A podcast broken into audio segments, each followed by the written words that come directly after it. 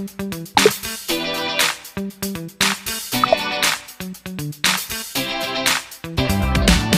hai, selamat datang di podcast Globalication.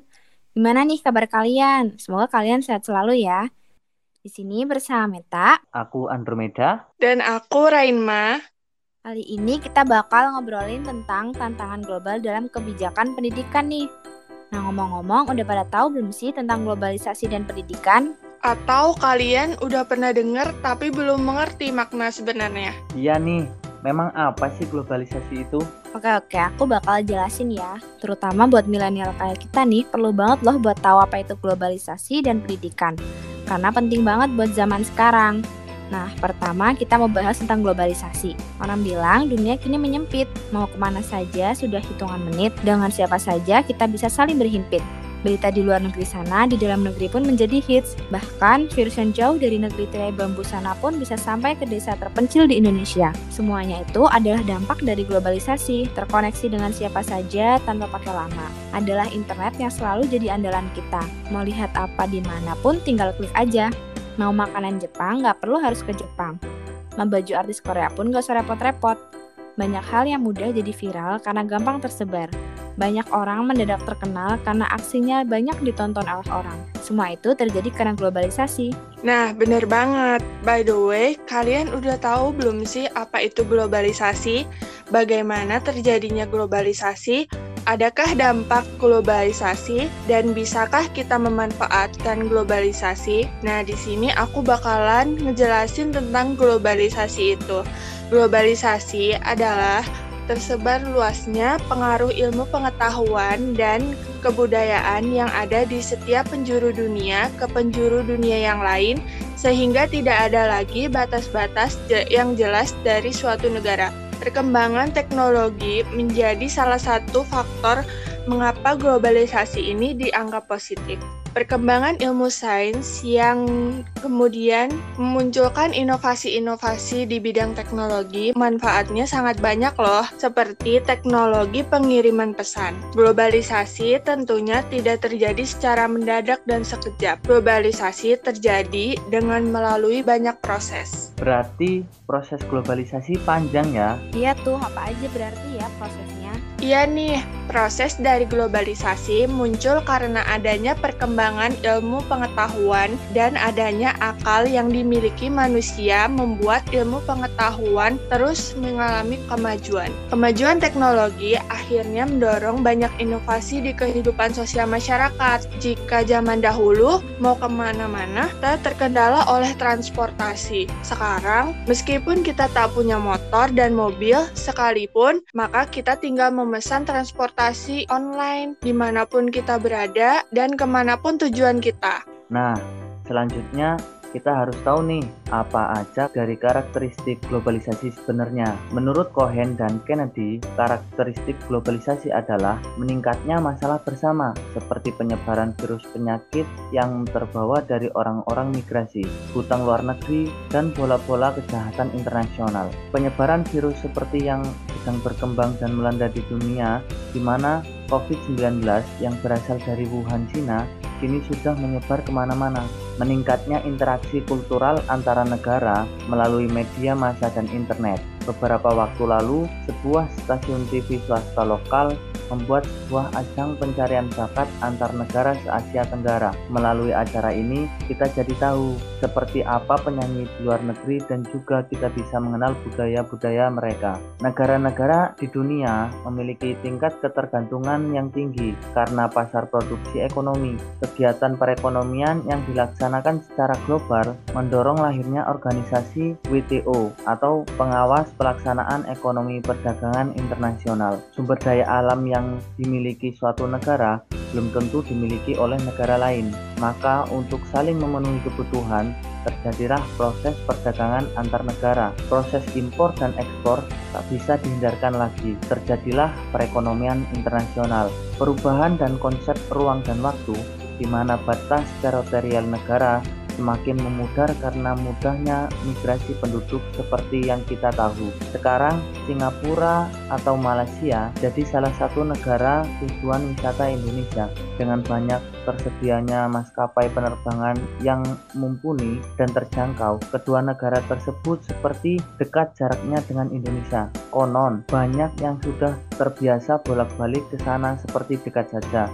Nah, terbukti kan, globalisasi ini ternyata mempengaruhi segala sendi kehidupan loh, mulai dari politik, pendidikan, ekonomi, sosial maupun budaya. Yes, benar banget, karena emang globalisasi sepenting itu sekarang. Sekarang kita lanjut bahas tentang pendidikan yuk. Iya guys. Nah iya kan, dan pastinya dari kecil kita udah sering banget dengar tentang pendidikan ya. Tentunya kita sebagai manusia tidak luput dengan pendidikan, karena pendidikan merupakan hal yang sangat penting bagi manusia. Bisa bayangin kan kalau nggak ada pendidikan, maka perkembangan teknologi nggak akan sebesar sekarang ini. Dan globalisasi juga tidak akan berkembang secara cepat seperti di masa sekarang ini. Lalu, pendidikan itu sebenarnya apa sih? Mengapa kita semua harus mengenal yang namanya pendidikan?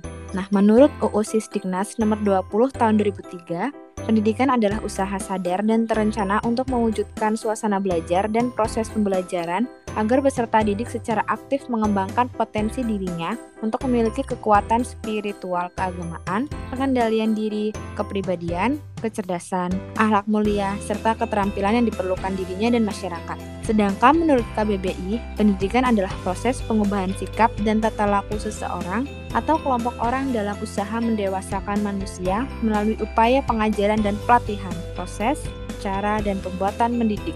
Jadi, jika dilihat secara umumnya, maka pendidikan dapat diartikan sebagai suatu metode untuk mengembangkan keterampilan, kebiasaan, dan sikap-sikap yang diharapkan dapat membuat seseorang menjadi lebih baik.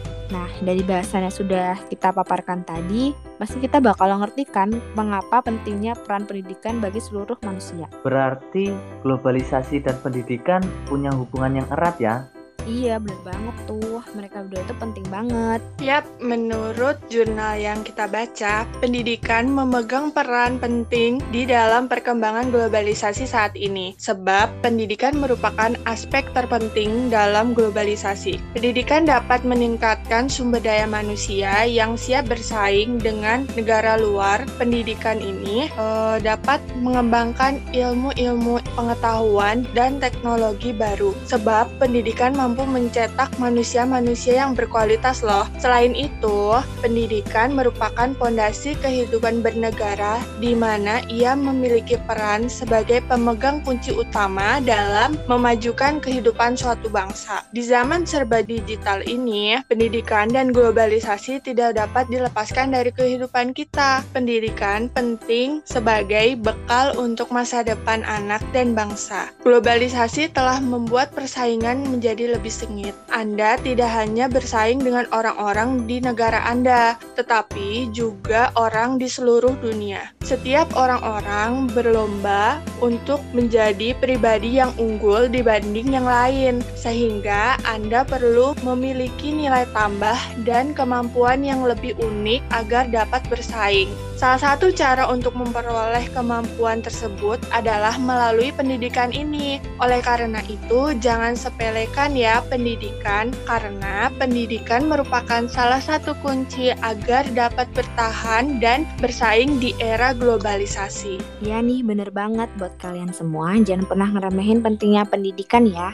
Nah, dua-duanya ini saling berkesinambungan. Dalam pendidikan dibutuhkan globalisasi, pun sebaliknya, adanya globalisasi juga perlu diimbangi dengan adanya pendidikan. Nah, sekarang kita sudah paham kan hubungan antara pendidikan dan globalisasi? Setelah kita sudah memahami tentang hubungannya, lalu kita berlanjut untuk membahas dampak positifnya. Nah, dampak positifnya uh, yang dapat dapat kita lihat dari adanya globalisasi saat ini di antaranya semakin banyaknya sekolah-sekolah yang mewajibkan adanya mata pelajaran bahasa asing seperti bahasa Inggris, bahasa Mandarin, bahasa Prancis, dan bahasa-bahasa lainnya. Dan bahkan ada sekolah yang memakai peraturan untuk menggunakan bahasa Inggris sebagai pengantar mata pelajaran. Hal ini dikarenakan bahasa Inggris adalah bahasa yang mendunia dan atau disebut sebagai proses internasionalisasi pendidikan. Dengan adanya globalisasi ini, juga memudahkan kita untuk mencari informasi melalui jaringan internet, sehingga wawasan kita juga menjadi lebih luas. Lalu, teknik dan sistem pengajaran e, di Indonesia pun menjadi lebih bervariatif, seperti contoh pengajaran interaktif multimedia. Lalu, terdapat pula perubahan corak pendidikan. Nah, tapi hubungan antara globalisasi dengan pendidikan juga tidak hanya memberikan dampak positifnya saja loh, tapi mereka juga memberikan dampak negatif. Seperti beberapa dampak negatif yaitu karena munculnya sekolah-sekolah yang menggunakan bahan ajaran dan taraf internasional, maka biaya yang dibutuhkan pun juga tidaklah kecil. Banyak masyarakat menengah ke bawah yang merasa kesulitan dengan biaya pendidikan pada saat ini Meski pemerintah telah membuat peraturan dengan menggratiskan biaya pendidikan, namun tetap saja masih ada sekolah yang memungut biaya pada masing-masing wali murid dengan alasan untuk lainnya. Itulah yang secara tidak langsung memaksa mereka untuk membayar biaya pendidikan anak mereka. Sebab di zaman yang semakin menggila ini, korupsi juga semakin merajalela. Sangat mahal sekali kejujuran di negeri ini, bahkan yang haram pun akan mereka anggap halal jikalau nafsu mereka sudah menguasai jiwa mereka. Banyak anggaran pendidikan yang disalahgunakan fungsi dan kegunaannya, sehingga dana pendidikan diselewengkan untuk keperluan pribadi para koruptor pendidikan yang tanpa berpikir panjang langsung memasukkan anggaran tersebut ke kantong mereka. Padahal pemerintah pusat mengeluarkan anggaran tersebut murni untuk biaya pendidikan anak bangsa namun nyatanya malah disalahgunakan oleh pemerintah bawah ataupun sekolah-sekolah itu sendiri. Oh iya, by the way, sekarang lagi hits ya bahas tentang komersialisasi pendidikan. Komersialisasi ini sebenarnya itu wacana, stigma, atau fakta sih? Hal ini pun sampai sekarang menimbulkan ketidakjelasan, karena suatu hal tidak adanya parameter untuk mengukur apakah suatu pelaksanaan pendidikan itu ada unsur komersil atau tidak. Problem yang banyak dibincangkan mengenai komersialisasi pendidikan itu umumnya dimulai dari suatu dugaan bahwa suatu proses pendidikan dilakukan dengan niatan atau tujuan semata-mata hanya untuk mencari keuntungan. Keuntungan tersebut hanya dinikmati oleh sekelompok orang pemegang modal maupun untuk kepentingan-kepentingan lain di luar kepentingan penyelenggaraan pendidikan itu sendiri. Sehingga dengan keadaannya demikian, masyarakat dan peserta pendidikan merasa dirugikan karena biaya pendidikan dikeluarkan oleh peserta didik dan orang tua digunakan untuk keperluan lain, di luar kepentingan penyelenggaraan pendidikan peserta didik. Kasus semacam itu kerap terjadi karena tidak adanya proses akuntabilitas dan transparansi yang dibangun oleh penyelenggara pendidikan. Sehingga yang ada adalah penyangkaan akan penyelewengan dana dalam bentuk komersialisasi tadi. Padahal penyangkaan itu bisa salah, walaupun juga kemungkinan betul adanya. Oleh karena itu, komersialisasi pendidikan macam demikian mestinya harus ditangani dengan manajemen administrasi yang akuntabel. Komersialisasi pendidikan juga dapat ketika biaya pendidikan jauh lebih tinggi daripada fasilitas dan kelayakan fasilitas maupun sarana pendidikan yang harus ditanggung oleh peserta didik. Dalam kasus demikian, suatu satuan pendidikan yang tidak lengkap atau di bawah standar dalam hal fasilitasnya namun dari sudut pembiayaan jauh melampaui fasilitas yang disediakan satuan pendidikan.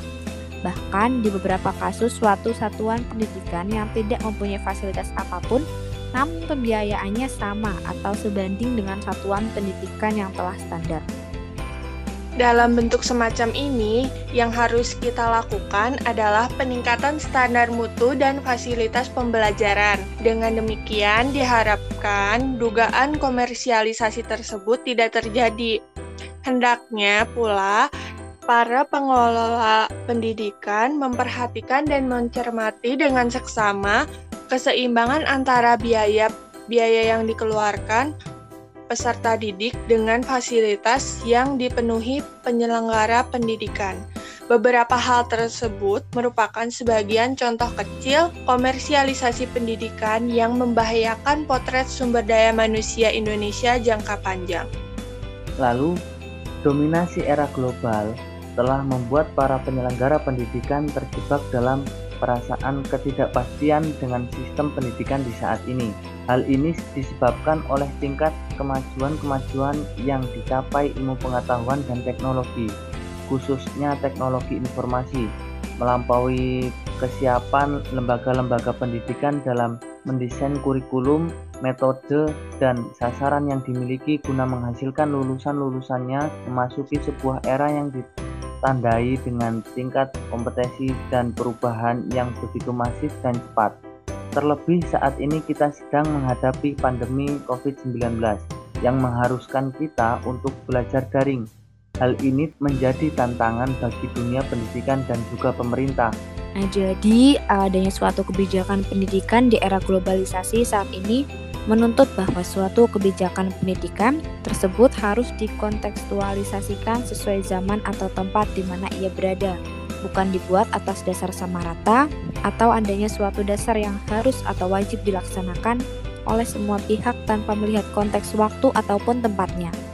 Berbagai tantangan globalisasi pendidikan seperti globalisasi di bidang budaya, etika, dan moral sebagai akibat dari kemajuan teknologi di bidang transportasi dan informasi, adanya globalisasi dan perdagangan bebas, survei internasional yang menunjukkan bahwa mutu pendidikan di Indonesia masih rendah dan rendahnya di tingkat sosial kapital kita.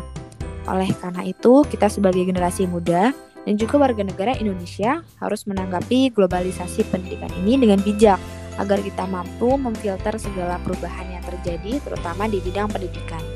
Nah, yang dibutuhkan Indonesia sekarang ini adalah visioning atau pandangan, repositioning strategi atau uh, strategi ke depan, dan leadership atau kepemimpinan. Tanpa itu semua, kita tidak akan pernah beranjak dari transformasi yang terus berputar-putar dengan visi yang jelas, tahapan-tahapan yang juga jelas, dan komitmen semua pihak serta kepemimpinan yang kuat, diharapkan kita semua dapat menjawab tantangan dan mencapai tujuan dari globalisasi pendidikan itu sendiri. Nah, selanjutnya ada pesan dari Bapak Presiden kita, Bapak Jokowi, tentang rencana sistem pendidikan kita di masa yang akan datang. Banyak negara di dunia sudah mulai mengadaptasi sistem pendidikan mereka, baik itu pendidikan prasekolah, pendidikan dasar, menengah, vokasi, dan perguruan tinggi untuk memenuhi kebutuhan perubahan besar yang ada. Untuk itu ada beberapa hal yang ingin saya tekankan untuk menjadi perhatian kita semuanya. Yang pertama, karena cara bekerja pada masa depan akan jauh lebih berbeda dengan yang kita alami hari ini, maka pembentukan SDM yang unggul di masa depan tidak bisa lagi berdasarkan perkembangan ilmu yang dibentuk berdasarkan tren masa lalu, tapi tren masa depan.